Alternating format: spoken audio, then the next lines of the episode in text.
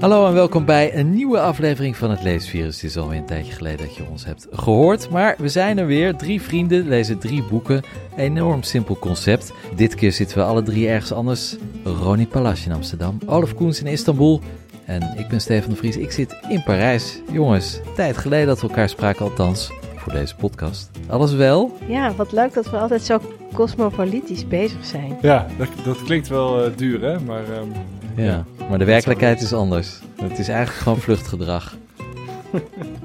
nou, de werkelijkheid is dat ik net ook Olaf heb gezien in Istanbul en daarvoor in Tel Aviv was en nu pas weer terug ben in Amsterdam, maar dat het leven weer een beetje op gang lijkt te komen, waar zelfs reizen weer. Ja, ja nog een week of twee, dan gaat alles weer op slot hoor. Over een week of twee is het allemaal weer dicht. Oh, moet je niet aan denken. Nou, genoeg uh, tijd om te lezen krijgen we dan weer. Precies, meer lezen. Oké, Olaf, wat heb jij uh, hmm. deze dagen op je nachtkastje? Mag ik het spits afbuiten? Het spits is aan jou. Uh, Oké, ik... Uh... Ik mag nooit het Ja, ik, ja Ronit mag beginnen, vind ik eigenlijk. Nou, Oké, okay, ladies first dan. Ronit. Nee, nee, nee, nee. Bij, bijt eens. Keer. Nee, nee, nee, nee, Ronit begint. Bijt en spitsen af, Ronit. De proloog is voor Ronit Palas. Nou ja, weet je wat het is? Um, ik ben weer eens bezig met een bloemlezing. Dit keer wel de laatste hoor. Dus de derde, uh, daarna hou ik echt op. De derde, de derde. Maar ze horen op een bepaalde manier ook bij elkaar. De eerste twee waren respectievelijk Ischa Meijer en Renate Rubinstein. En nu ben ik bezig met Andreas Bernier.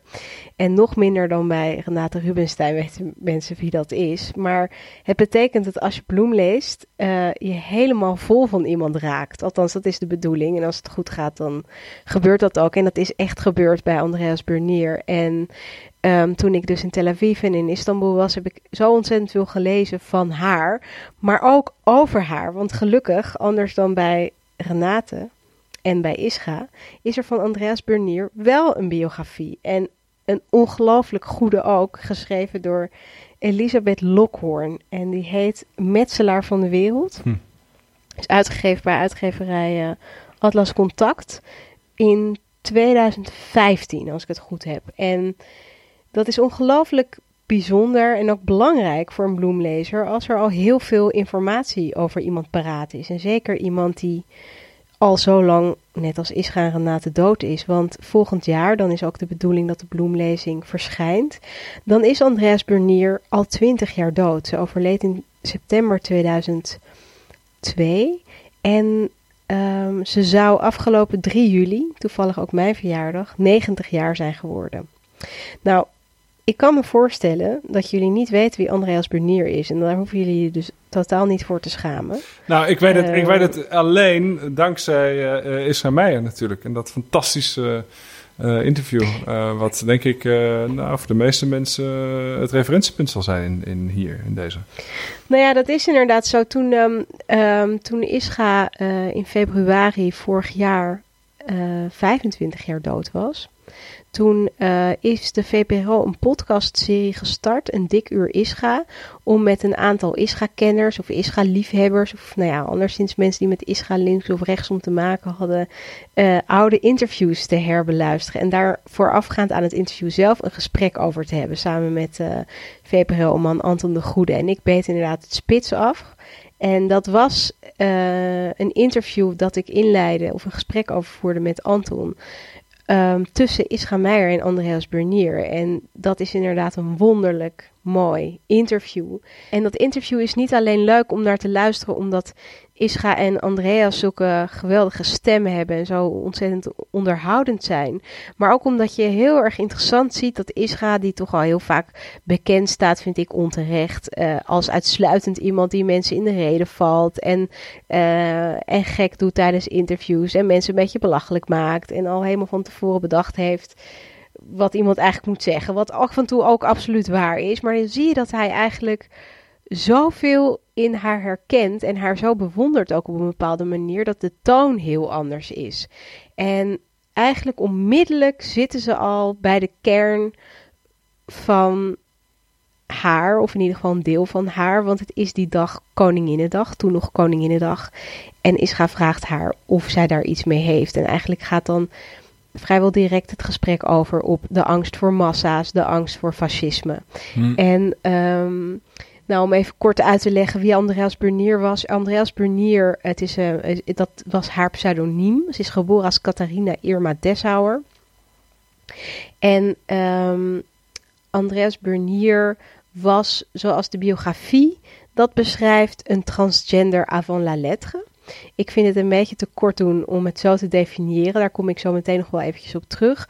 Bovenal was het een, ja, zoals wij dat nu zouden noemen, public intellectual. Het was echt een ongelooflijke grote geest. Een hele intellectuele, intelligente vrouw. Heel veel belezen, van alles wist ze wel wat. Uh, ze had een hele grote interesse in de meest uiteenlopende onderwerpen. En het is ook zo leuk, want dat zie je dan allemaal. Het is echt een heel goed geschreven en gedegen onderzochte biografie. En zoals een goede biografie betaamt, leer je ook ontzettend veel over de geschiedenis van wanneer iemand geleefd heeft. Dus heel veel achtergrondinformatie ook. Dat is echt heel erg bijzonder en dat heeft ze heel erg goed gedaan. En, en dat is het Nederland van uh, vlak na de oorlog, of na de oorlog? Ja, zeker. Maar ook al voor de oorlog. Uh, een stuk. Een stuk familiegeschiedenis voor de oorlog. En zij zelf, Catharina Irma Deshauer, dat is namelijk haar echte naam.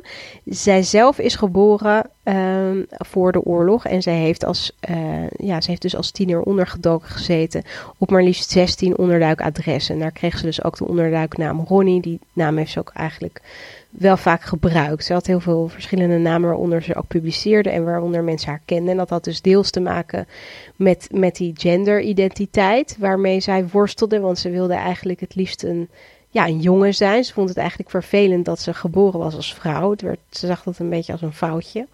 Maar vooral ook omdat ze gewoon heel snel in de gaten kreeg dat waar het leuk was of waar je iets gedaan kon krijgen met al je interesses en je nou, talenten, maar ook je, je, je kunnen, dan kon je maar beter een jongen zijn. Dat had zij snel door. Dus dat was voor haar ontzettend vervelend dat ze een meisje was. Maar dat intellectuele van haar, dat is echt de rode draad in haar leven. Dat begint eigenlijk als kind. In een biografie lees je ook dat het allereerste woord dat ze kon lezen boeken is. Het woord boeken. Um, ze was Joods, maar wilde eigenlijk haar hele leven niets met het Jodendom te maken hebben, omdat voor haar, zoals voor velen na de oorlog, het Jodendom toch synoniem stond voor vervolging en dus voor angst. Ze werd dus gevraagd uh, op straat door iemand of zij wist waar de synagoge was. En dat alleen al deed haar compleet verstijven, omdat ze daardoor dacht: oh jezus, kunnen mensen aan mij zien dat ik Joods ben of zo. Dat was voor haar volstrekt angstige gedachten. Maar ze was ook hoogleraar criminologie. Ze schreef romans. Um, ze was ontzettend, en daarom vind ik haar zo leuk, ambivalent. En dat komt omdat ze dus aan de ene kant heel erg moedig was, vooral in haar polemieken. Ze had uh, voor haar tijd überhaupt al krankzinnig openhartige manieren om te schrijven over nou, homoseksualiteit. Haar eigen homoseksualiteit, verkapt in romanvorms, maar ook over dat transgender zijn. Uh, bijvoorbeeld in uh, Een tevreden lach, dan laat ze haar alter ego Simone. Dat is dan iemand die gaat studeren en dan eindelijk durft ze het aan om als man in een café te zitten. Ze koopt een pak, ze gaat daar zitten. Eindelijk bevrijd van dat meisjesgedoe. En dan zegt die café-uitbater: Je bent een meisje, hè? En dat schrijft, die, dat schrijft ze zo invoelend op. Want ik denk dat heel veel mensen die zelf niet transgender zijn, het heel erg moeilijk vinden om zich te kunnen verplaatsen in wat dat eigenlijk betekent als je voelt dat je in een verkeerd lichaam zit. Dat de hele wereld je aanschouwt, bijvoorbeeld als lesbische vrouw, terwijl je eigenlijk een heteroseksuele man bent. Want daar komt het dan een beetje op neer. Dat is ook wel zoals Maxime Februari daar veel over schreef. En ook zijn boek over heeft geschreven, De, de Maakbare Man. Hij is een transman die daarvoor bekend stond als Marjolein Februari. En mensen vonden dat heel ingewikkeld om te begrijpen. Dat iemand die zo meedraaide in die intellectuele scene zo'n existentieel probleem altijd met zich mee had getorst. En je had wel Anna Blaman, die al in de jaren zestig schreef, en ook al eerder trouwens, pardon, uh, uh, schreef over homoseksualiteit. Maar dat was altijd heel mismoedig en treurig en naar. En Andreas Burnier, midden jaren zestig, die beschrijft ook een, ja, op een soort lichtvoetige manier die homoseksualiteit. In ieder geval heel erg onomwonden en op een manier die volstrekt uniek was in die tijd. Nou ja, toen ging ze dus ook nog hoogleraar worden criminologie als e- zo'n vrouw in een katholiek bolwerk in Nijmegen, zo'n bedompte stad, waar ze dan ook fantastisch over schrijft. Dus ze deed allerlei dingen die voor haar tijd eigenlijk ja, volslagen nieuw waren, um, controversieel maar ook zo ontzettend dapper. En tegelijkertijd was het dus ook een vrouw die heel veel angsten had met bijvoorbeeld gewoon de straat oversteken op bepaalde momenten. Dat ze doodsbang was om aangereden te worden, maar ook als het Jodendom betrof, doodsbang daarvoor zijn. Ehm, maar dan de laatste jaren van haar leven, dan komt dat Jodendom wel terug. En daar, dat, dat beschrijft ze ook heel erg mooi. Maar het is ook heel mooi gewoon al die fases van haar leven, dat enorm rijke leven, al die liefdesverhoudingen, altijd getormenteerde verhoudingen, ingewikkelde toestanden. Um, dat, dat, uh, dat wordt zo goed beschreven. En ook gewoon die hele lijn van het schrijven van een roman. En de, de onderwerpen die ze aanpakt, zoals feminisme. Maar ook in een tijd dat iedereen er eigenlijk wel over over eens was, nou laten we nou in godsnaam maar eens die euthanasiewet doorvoeren. Want we zijn toch allemaal wel over eens dat we gewoon ja, het heft in eigen handen moeten kunnen nemen. En dan ging zij daar tegen in. Van nee, we kunnen niet zomaar euthanasie gaan toestaan. Daar moeten we eerst een heel goed gesprek met elkaar over hebben. Want anders krijgt het nazi-trekjes. Dan hè, dat je gewoon zomaar aan levens gaat sleutelen. En dat jij voor een ander gaat bepalen uh, wanneer kwaliteit van leven eigenlijk ophoudt. En Waarom zouden luisteraars van het leesvirus deze biografie moeten lezen volgens jou? Want je hebt nu bijna het hele leven al verteld. Van ja, maar het is zo interessant opgebouwd. Het is niet alleen maar, dat is wat deze biografie ook zo goed maakt. Dat is wat ik net ook een beetje bedoelde met waarom sommige biografieën echt uitsteken boven andere. Het gaat over veel meer dan alleen maar het leven van Andreas Bernier. Er wordt een tijd geschetst, er wordt een milieu geschetst, er wordt een een, een situatie geschetst van hoe mensen over bepaalde onderwerpen dachten, die we nu denken allemaal te hebben uitgedacht, maar die toen nog helemaal ontgonnen, onontgonnen gebied was. En daar heeft zij zo'n enorme stempel op gedrukt. Wij vinden dat hele euthanasievraagstuk iets volkomen uitgekoud. Maar hoe dat bijvoorbeeld tot stand kwam en de discussie die daaraan vooraf is gegaan. En dat die wet uiteindelijk toch een jaar of twintig vertraging heeft opgeleverd, met name dus door haar bemoeienissen daarin. Dat is echt buitengewoon interessant. En ook als je ziet hoe de feministische beweging Um, uh, hoe die is geëvalueerd, maar ook over transgender. En het heeft me ontzettend warm gemaakt voor haar om ook al, ja, dat moet je natuurlijk sowieso als bloemlezer, maar om alles van haar te willen lezen, maar ook te willen omarmen. En natuurlijk zijn er ook wel echt smetten in haar leven, zoals bijvoorbeeld Ehm, dat zij op heel jonge leeftijd toch in dat soort huwelijkkeurslijf gegaan is. Door een van de oprichters trouwens van Castrum Peregrini. Weet je, die uh, ja, soort secteachtige toestand met onderleiding van Giselle. Die dan weer in de oorlog onderduikers had. Daar heeft Annette Mooi een hele mooie biografie weer over geschreven. En dan krijgt ze twee kinderen. Maar zij kan eigenlijk niets met kinderen. Dat ze is er niet geschikt voor. En dat is en dus doet ze die kinderen weg in een pleeggezin en gastgezinnen. En ja, er wordt niet heel erg over uitgeweid, maar je merkt wel dat daar van alles niet is goed gegaan. Er staat één belangrijke zin bijvoorbeeld in het boek dat de dochter zoiets zegt van als een uh, vogel uit een nestje vallen, als een vogel uit een nestje valt, dan komen de roofdieren erop af. Waaruit je dan weer van alles kunt afleiden dat er waarschijnlijk hele nare dingen zijn gebeurd in al die gezinnen. Maar het is ook weer een rode draad in dat leven van haar. Want zij is zelf natuurlijk in de oorlog ja, tussen haakjes weggedaan. Heeft 16 onderduikadressen gehad. Toen er na de oorlog nog een broertje bij haar werd geboren, Joost, is die ook weggedaan omdat hij te lastig was. En vervolgens doet zij haar kinderen weg. Dus het is allemaal ook weer ja, zo tragisch op een bepaalde manier. Het is ook wel heel tragisch. Het is een het is een tragisch leven, een intellectueel leven van een ultieme ambivalente buitenstaander, maar heel goed opgeschreven en heel rijk aan bijinformatie. En dat maakt het zeer, zeer de moeite waard. Nou, dat klinkt goed. Waarvan acte Metselaar van de Wereld dus, van Elisabeth Lockhorn, Verschenen bij Atlas Contact? Atlas Contact, ja.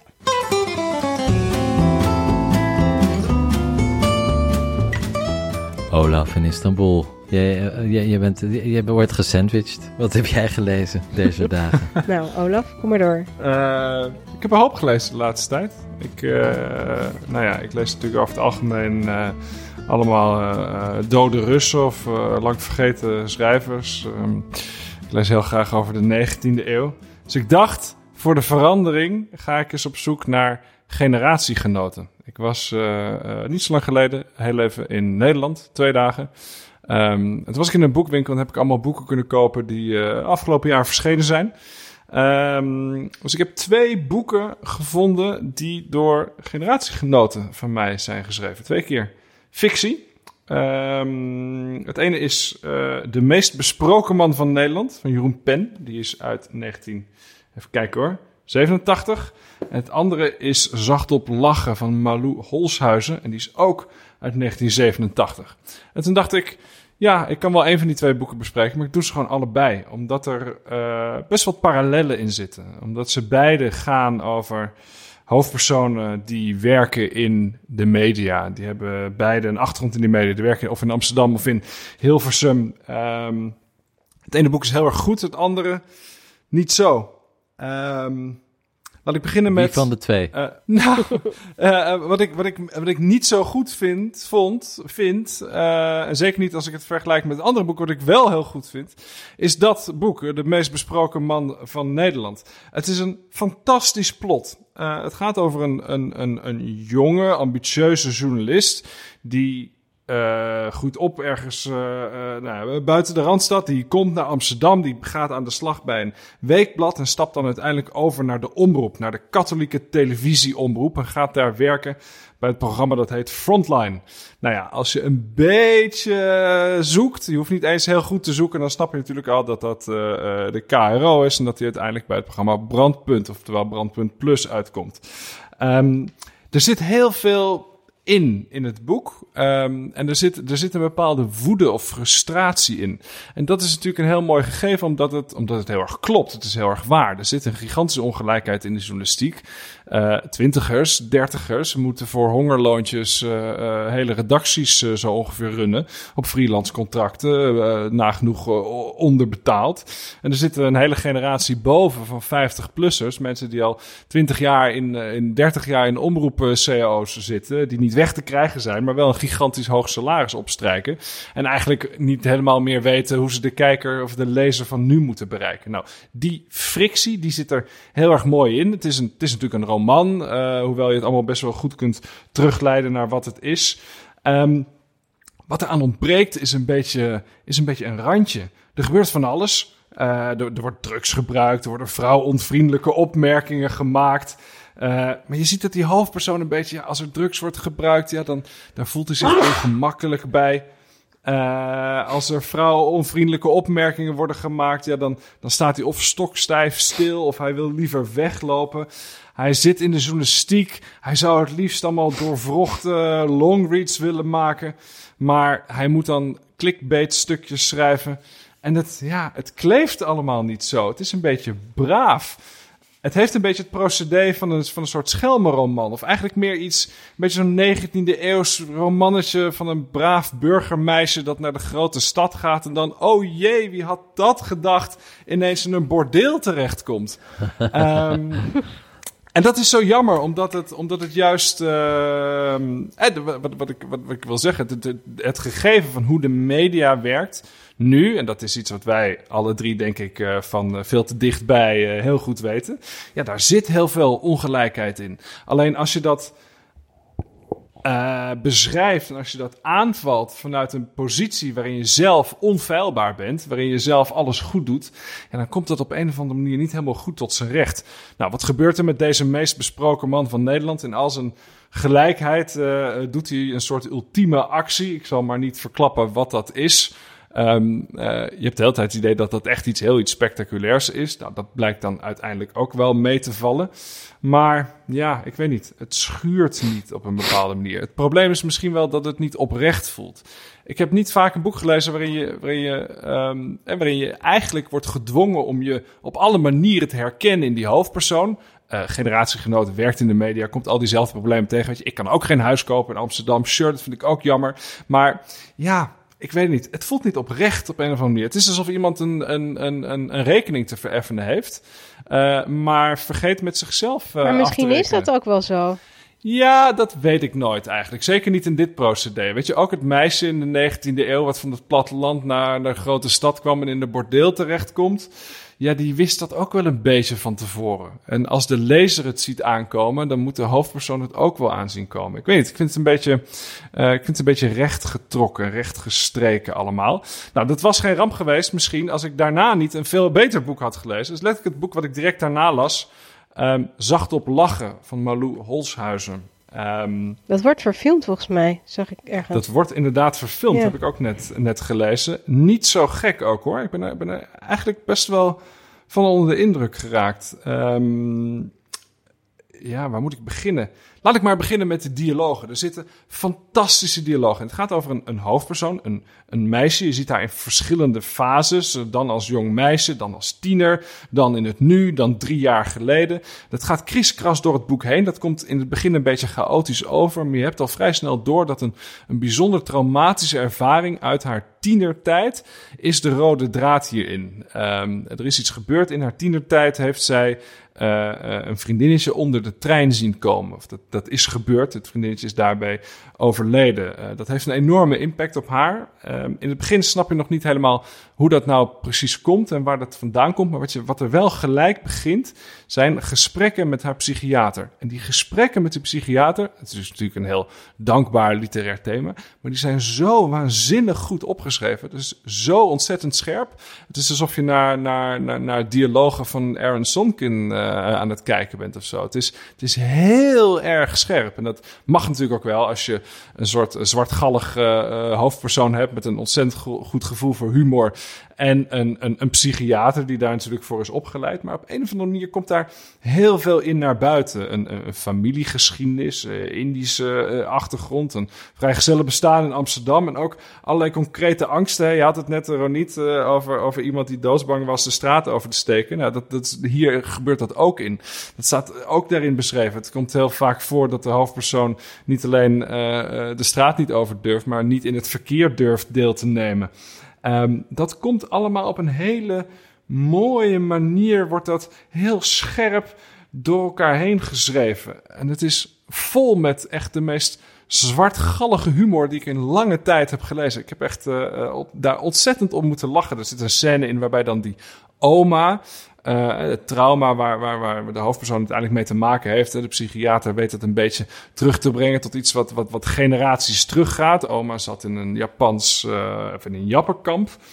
Um, dat trauma wordt een beetje doorgegeven. Eerst gelooft zij dat niet, later komt ze daar een beetje mee in het reinen. Um, die oma wordt uiteindelijk eh, die overlijdt, uh, die, die, die, die moet begraven worden. En dan komt er een uitvaartondernemer. Die oma is heel dik. Die heeft natuurlijk altijd koelkasten vol met eten. Een enorme voorraad. Uh, ook iets wat, wat, wat vrij herkenbaar is voor mensen die in hun jeugd in, in kampen hebben gezeten. Dus dat ze de rest van hun leven voedsel zullen bewaren, verzamelen in potten, in pannen, in enorme koelkasten, in drie vriezers die in het huis staan. Nou goed, die oma die komt uiteindelijk om het, die, die, die overlijdt. En dan komt er een, een, een, een uitvaart, uh, ja, hoe noem je dat? Een kraai, een, een uitvaartverzorger. En zegt, ja, die oma van u is zo dik. Heeft u al gedacht aan het paardencrematorium in Wijk aan Zee? um, poeh, dat is zo zwartgallig, maar het is op zo'n grappige manier staat het opgeschreven. En dan niet veel later staat de hoofdpersoon, deze Malou, uh, staat uh, op Schiphol te wachten met, met de as van haar oma en haar tas. Uh, en dan is ze ineens bang, uh, mag ze dat wel meenemen of niet? Wat zijn eigenlijk de regels voor as als je het meeneemt? En zelfs niet, dan probeert ze het open te maken. Nou, er gebeurt van alles mee. Um, ja, heel bijzonder mooi boek. Heel erg in het, in het nu op een bepaalde manier. Je, je flitst zeg maar tussen die trauma's van, van, van, van die oma, van, van, van dat meisje van, van 15. En nu naar een soort, uh, nou, vrij vrolijk, uh, vrij gezellig bestaan in, in Amsterdam. Flits je heen en weer. Um, ja, heel, uh, heel indrukwekkend eigenlijk. Heeft me, heeft me op een bepaalde manier ook geraakt. Hoewel ik het nergens in herken, ga je toch een beetje om je heen kijken. ehm, eh, waar zou ik het wel kunnen herkennen? Het is heel oprecht. En wat hier natuurlijk het grote verschil is met het andere boek, is dat dit Um, uh, hier spaart de schrijver of de auteur zichzelf totaal niet. Het is heel scherp geschreven. Die angsten komen heel concreet naar voren. Het laat een beetje zien hoe je, hoe je soms ook kunt vergissen. Hè? Hoe achter sommige hele vrolijke mensen of mensen die je misschien niet zo goed kent, hoe daar uh, trauma's en, en problemen achter liggen die nou, behoorlijk, behoorlijk diep gaan. Dat opschrijven in een roman die mooi is, die geestig is, met fantastische dialogen. Nou, dat, dat, uh, dat is nogal wat. Dus daar ben ik uh, eigenlijk heel erg van onder indruk.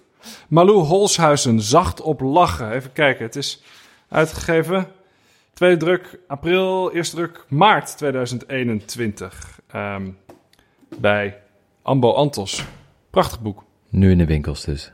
Het is nu in de winkel, ja.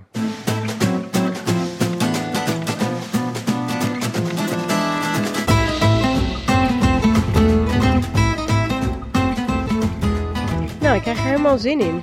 Maar dan wel vooral in het tweede boek, niet zo heel erg in het eerste. Terwijl ik daar ook wel leuke interviews van had gelezen.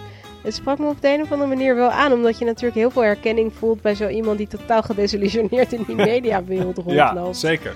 Maar goed, om weer een beetje optimisme terug te krijgen. Stefan, heb jij uh, iets meegenomen wat ons daarbij helpt? Nou, ik heb een heel deprimerend boek. Oh.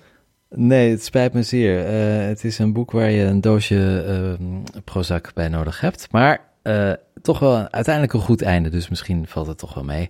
Um, ja, ik ben in Parijs en wat doe ik in Parijs behalve aan de zaak uh, espressootjes drinken? Maar ik heb iemand gekozen die nog jonger is, uit 1992. Ongelooflijk, toen woonde ik al bijna in Parijs. Um, ja, Louis. Op, Edouard Louis. Inderdaad, die yes. uh, zag ik gisteren liggen in een Parijse boekhandel. Um, dus dat heb ik even meegenomen. Ik had eigenlijk nog nooit wat van hem gelezen. Er is natuurlijk heel veel over hem geschreven en, en door hem geschreven ook. Edouard Louis, uh, die eigenlijk Eddie Bellegueule heet, maar hij heeft zijn naam veranderd. Um, nu 28, maar hij brak door met zijn roman uh, in uh, 2014, alweer zeven jaar geleden, met En finir avec Be Eddie Bellegueule. Heel groot succes in Frankrijk. En in Nederland. Ja, inderdaad. En heel veel andere landen. Um, waarin hij eigenlijk zijn treurige jeugd beschrijft in het noorden van Frankrijk. En iedereen die wel eens van Nederland naar Parijs is gereden, die rijdt dan over zo'n beetje de saaiste snelweg ter wereld. De A1 vanaf de Belgische grens tot, tot, nou, zeg maar, tot aan Roissy, de Parijse luchthaven. Ontzettend saai. Uh, de, ook wel, uh, regio heet ook Picardie. Uh, treurig tot en met. Het enige wat opvalt zijn af en toe de, de heuvels, die niet eens echte heuvels zijn, maar dat zijn bergen kool die nog uit de kolenmijnen zijn overgebleven. Het is een hele troosteloze regio, Picardie. Uh, heel veel werkloosheid, heel veel stemmers op het Front National. En daar komt ook Edouard Louis vandaan. Nou, het boekje dat ik heb gelezen, dat heet in het Frans Combat et métamorphose d'une femme. Het is ook in het Nederlands verschenen. Uh, onlangs. Uh, strijd en metamorfose van een vrouw heet het. Um, Hmm. Uh, vreemd genoeg in enkelvoud. Het is in, vorige maand verschenen. Terwijl het in het Frans is het in meervoud. Dus eigenlijk zou de vertaling moeten zijn de gevechten en veranderingen van een vrouw. Maar goed, de vertalers die, die zijn soms ondergrondelijk. Maar waar het om gaat is dat uh, Edouard Louis schaamt zich voor zijn familie. Hij komt uit een hele treurige familie. Het is dus autobiografisch. Alcoholisme, werkloosheid. Um, ja, hele grote armoede. Hè? Mensen die de hele dag voor de televisie hangen. Grote armoede. En hij is de eerste die eigenlijk naar de middelbare school gaat of althans naar de middelbare school gaat en dat ook afmaakt, maar dan op een internaat. Nou, van die middelbare school gaat hij naar Parijs, dan gaat hij naar de École Normale Supérieure en dat zegt Nederlanders eigenlijk niet zoveel, maar dat is eigenlijk intellectueel het hoogst haalbare in Frankrijk. Als je die school hebt gedaan, dan ben je een halve godheid in Frankrijk. En hij komt dus uit een heel treurig milieu. Maar hoe komt hij daar dan terecht? Want dat is helemaal niet vanzelfsprekend. Nou, dat is interessant, want dit boekje personifieert heel goed Frankrijk. Want in Frankrijk kun je dus, als je goed kan leren, kun je ver komen in het onderwijssysteem. Niet per se in het leven, maar dat telt niet zo, het leven in Frankrijk. Het telt hoe goed je kan leren. Nou, hij gaat dus naar een internaat, naar een, naar een uh, lycée, lyceum, hoe noem je dat, een middelbare school. En daar ontwricht hij zich, eigenlijk ontworstelt hij zich aan zijn moeder uh, en zijn vader. Uh, zijn moeder heeft al een kind, uh, twee kinderen uit een eerlijk hu eerder huwelijk, krijgt dan een een zoon, dat is deze. Hij krijgt vervolgens nog een tweeling uh, met een, een, vader die op een gegeven moment een arbeidsongeluk krijgt. Een, een groot gewicht valt op zijn rug, dus die kan niet meer werken. En, en moet daardoor de, daardoor de hele dag thuis zitten met een heel kleine uitkering. Uh, dus het is ook een ma maatschappijkritiek. Maar um, ja, ik vond het redelijk hartverscheurend. Gek genoeg heb ik altijd een beetje een broertje dood aan boeken die autobiografisch zijn en, en waarin het woord ik, of je in dit geval, heel vaak voorkomt. Ik weet niet, het staat me altijd tegen. Maar goed, ik heb dit toch, uh, greep me het op de een of andere manier. Een jongen uit de provincie die zich ontworstelt aan een heel armoedig milieu. Um, ik, ik kon me op de een of andere manier wel identificeren. Niet dat ik uit zo'n milieu kom, maar um, de manier waarop hij over zijn familie praat, ja, is heel erg afstandelijk en inderdaad heel veel schaamte. En in, een van zijn boeken, uh, Qui tué mon père, uh, schrijft hij ook al over zijn familie. En zijn moeder was daar heel boos over, dat hij zo slecht over haar schreef en, over hun familie. En eigenlijk in dit boekje maakt hij het weer goed met zijn moeder. Het begint uh, eigenlijk heel lang, duurt het voordat, voordat je doorhebt dat hij het goed maakt, want de, beschrijvingen zijn echt vreselijk. Um, en het is, het is ook een, een, ja, ik, heel veel mensen kennen natuurlijk, Nederlanders kennen Frankrijk van de vakanties en Parijs en de leuke terrasjes en hè, de, oh, de authentieke olijfoliewinkeltjes en uh, noem het maar op. Uh, het is allemaal nog zo ouderwets en authentiek, maar er gaat achter die uh, façade van charme en, en ja, Franse typische dingetjes een hele grote armoede schuil. Um, en, en daar komt hij dus vandaan. Hij is nu nog maar 28, maar echt een grote literaire ster. En um, ik wil eigenlijk een stukje voorlezen um, uit, uit, uit die roman, autobiografische roman, uh, die ik dus hier in het Frans voor me heb. Dus ik vertaal het even simultaan. Um, hij, is dus vertrokken uit het ouderlijk huis. Hij zit nu op internaat op een, op een lyceum en daar heeft hij het eigenlijk nooit over zijn ouders. En hij wil ook absoluut niet dat zijn ouders hem bezoeken of op een schoolvoorstelling komen, zoals alle andere kinderen. En dan schrijft hij... alles veranderde op het eerste jaar van de middelbare school. Ik was de enige uh, van onze familie die met, met een studie was begonnen. Daar, op de middelbare school, werd ik ineens op een brutale manier geconfronteerd met een wereld die ik niet kende. Um, de mensen die ik ontmoette en die mijn vrienden werden, lazen boeken. Ze gingen naar het theater, misschien zelfs soms wel naar de opera. Ze reisden. En ze hadden ook een bepaalde manier van praten, van kleden, van denken, die eigenlijk niets te maken had met wat ik eerder heb meegemaakt met jou. Hij, richt zich hier dus tot zijn moeder. Um, ik ging een universum binnen van degene die jij altijd noemde de bourgeois, de burgerlijke. En meteen, ogenblikkelijk, wilde ik eigenlijk worden zoals jij. En als ik dan terugkwam in het dorp, vooral de eerste keren, wilde ik je mijn nieuwe club laten zien. Dat wilde zeggen wat ik eigenlijk aan het worden was. Uh, het, het, verschil tussen mijn leven en het jouwe.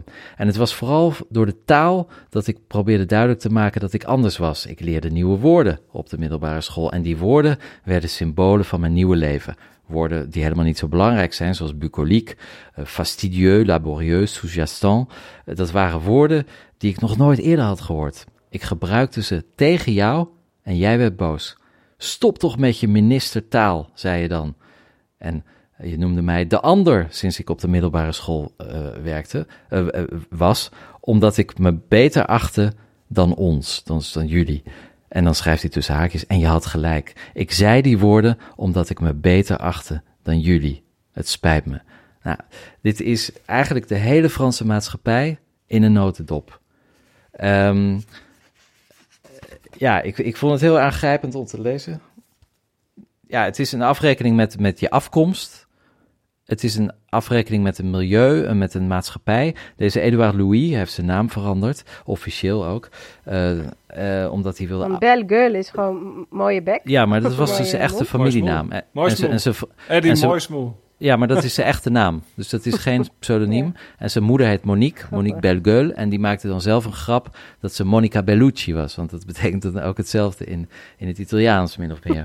um, dus... Ik uh, moet zeggen dat, dat, dat dat eerste boek van hem, dat debuut Weg met Eddie Belgueule, dat heb ik gelezen. Dat sloeg echt in als een bom. Wat een fantastisch boek was dat. En sure, het is universeel, absoluut. Maar de hardheid ervan. Ja, ontzettend in dat hard. godverlaten voor mij noorden van heel Frankrijk. erg Frans. echt... En, ja, ja, is echt heel erg Frans. En vooral die, die, die link naar dat noorden. Het doet je gelijk denken aan Celine. Het doet je denken echt aan de meest duistere periode uh, van het interbellum. En het bestaat, godverdomme, blijkbaar nog steeds. Ja, want deze jongen is 28. Uh, hè? En, en hij beschrijft dingen waarvan je denkt: ja, dit kan niet, dit kan niet nu zijn. Dat is ongelooflijk. Um, en ja, hij is dus in, in Frankrijk een grote literaire ster. Hij is ook politiek actief. Hij is behoorlijk links op het uh, spectrum. En ja, als je links bent in Frankrijk, dan ben echt behoorlijk links tegen het communistische aan.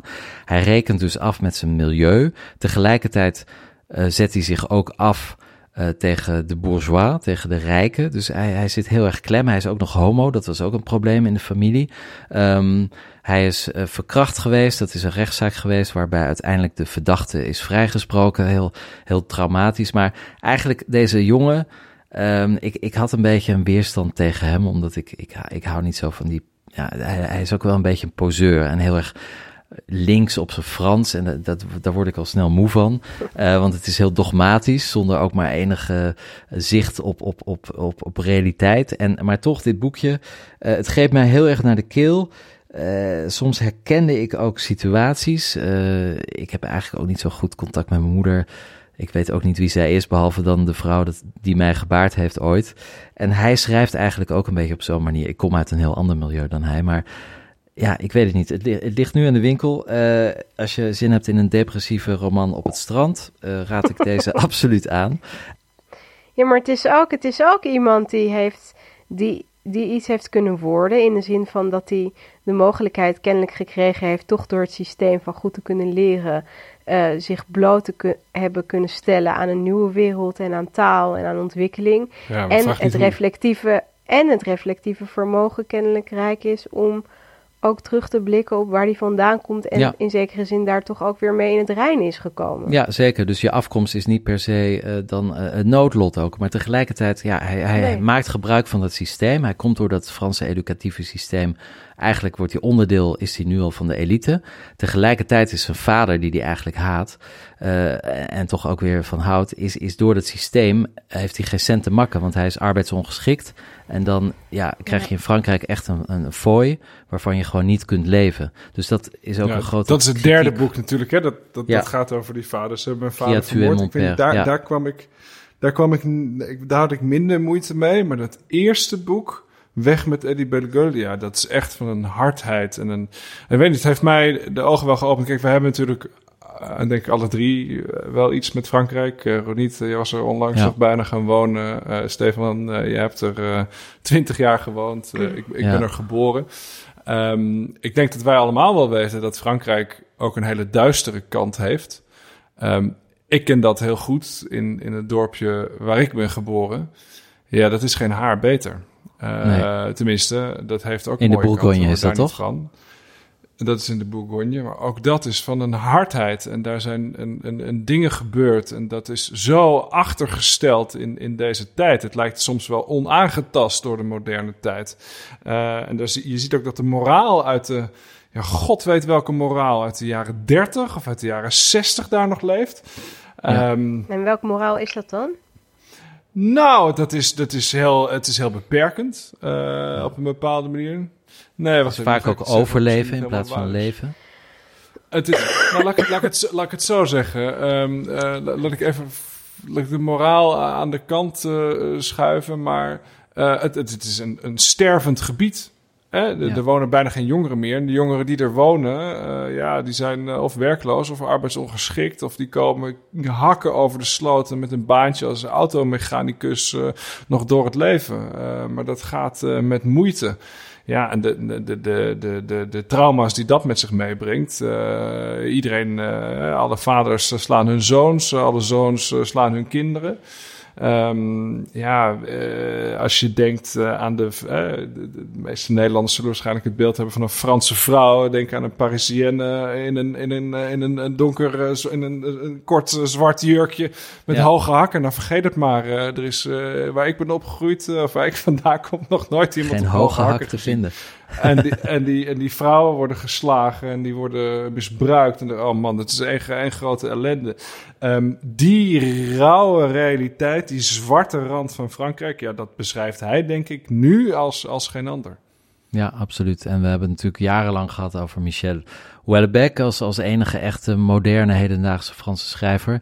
Maar ik denk dat die Ja. wel van de troon is gestoten door Edouard Louis. Al, al is Houellebecq natuurlijk heel erg... Daar zeg je eh, wel Er zit wat. veel fantasie in. Hè, dat zijn echte Ja. verhalen. En dit zijn eigenlijk bijna... Had ik niet met hem. Dit is, ik heb hiervan Nee. het idee, maar goed, dat hoeft natuurlijk niet zo te zijn. Maar ik heb echt het idee dat gewoon iedere zin letterlijk door zijn moeder ja, of vader dat is had ik ook. Dat had ik ook. En dat was ook een van de redenen dat het me ja, toch wel behoorlijk de keel dichtkneep. Omdat om, het is gewoon, je bent er eigenlijk bij. Het is bijna journalistiek. eh, Een Ja. journalistieke weergave van zijn familiesituatie. Eh, ja, redelijk troosteloos. En toch aan het einde is er een beetje hoop. En ja, hij is nog maar 28. Ehm, dus ja, hij kan nog heel lang en heel veel schrijven. Misschien dat het op een gegeven moment een optimistisch oeuvre wordt. Maar wat hij tot nu toe heeft gemaakt, eh, ja, doet, doet niet echt glimlachen. Ehm, Nou, doet, doet misschien wel denken aan het, aan het, aan het eerste werk van, van. Hè. Dus zijn, eerste boek was volgens mij eh, De wereld als markt en strijd. Hè. Dat, dat, dat ging over een soort eh, een compleet in zichzelf gekeerde paardenslager. Ehm, en ja, toch, toch is er ook wel een beetje uitgekomen. Maar ja, het is wel goed dat het, het, het, het, het- de, de zwartgallige kant van Frankrijk... Hè, we krijgen altijd maar dat mierzoete La Douce France eh, Ja. eh, voorgeschoteld. Maar, eh, Klinkt ook is, wel een eh, beetje als België. Daar heb je ook die Eh, keerzijde van die vreselijke ja, heb je wel. Maar je hebt daar in België natuurlijk nog een, een groot verschil tussen. Vlaanderen en Wallonië. En Ja. op de een of andere manier redden Vlaam, Vlamingen en Walen zich altijd zelf wel. In, in, in Frankrijk, wat, wat Olaf net ook beschrijf, beschreef, het is toch behoorlijk uitzichtloos. En ja, de, de staat trekt zich terug. Er zijn geen postkantoren meer, geen huisartsen, geen schooltjes. Denk daaraan als je die mannetjes met hun baguetjes onder hun arm ziet lopen. Denk dan aan Edouard Ja. Louis. Lees hem vooral. En je kan er ook naar kijken in het theater. Hè? Is het niet eh, Ivo van Hoven die een, een toneelversie hiervan Ja. heeft gemaakt? Ja, Ivo van Hoven. Is dat te zien? K- kan je in Nederland nog naar het theater? Is het niet... Kunnen we in eh, Nederland naar het theater, jongens? Ja, ze zijn nu weer try-outs begonnen. Vandaag was volgens mij eh, de eerste. Ja, en, en Arjen twee van zijn romans worden ook eh, omgemaakt tot een serie door, Ja. door James Ivory. Dat is een hele oude re- regisseur en, en die kennen mensen misschien nog wel van Room with a View, een film uit de jaren negentig. Ehm, of Re- and Remains of the Day, geloof ik ook. Dus die gaat zich nu eh, zetten aan het schrijven van het scenario voor een televisieserie. Dus hij, hij is ook int- internationaal echt, eh, ja, staat hij echt wel in de, in de picture. Dus eh Edouard Louis, Combat et métamorphose d'une femme. In het Nederlands strijd en metamorfose van een vrouw. Niet heel vrolijk, maar Grappig, want Ja. ik zie hier een, een Volkskrant stuk staan. Waarin staat dat de regisseur eh Ivo van Hoven dus dat nieuwe boek gaat bewerken.